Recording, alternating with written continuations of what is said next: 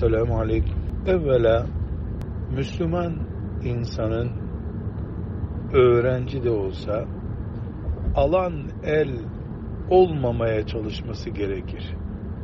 Bunu hiç silinmeyecek bir yere not edelim. Alan el olduktan sonra Müslüman hep bir fıkıh sorunuyla bir şeyle muhakkak karşılaşır.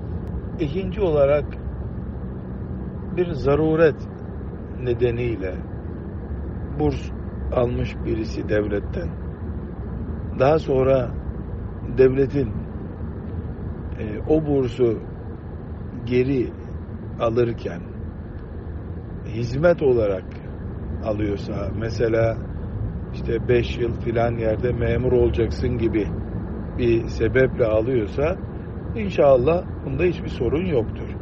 Ama 10 verip 13 olarak geri alacağım bunu diyorsa bu faizli işleme daha yakın duruyor.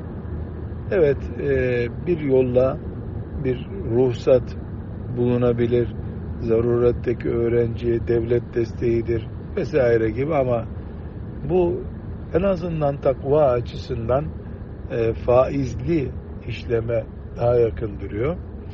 E, mümkün olduğu kadar mümin gençler e, hayatlarına bu riskle başlamasınlar diye tavsiye ederiz. Selamun Aleyküm.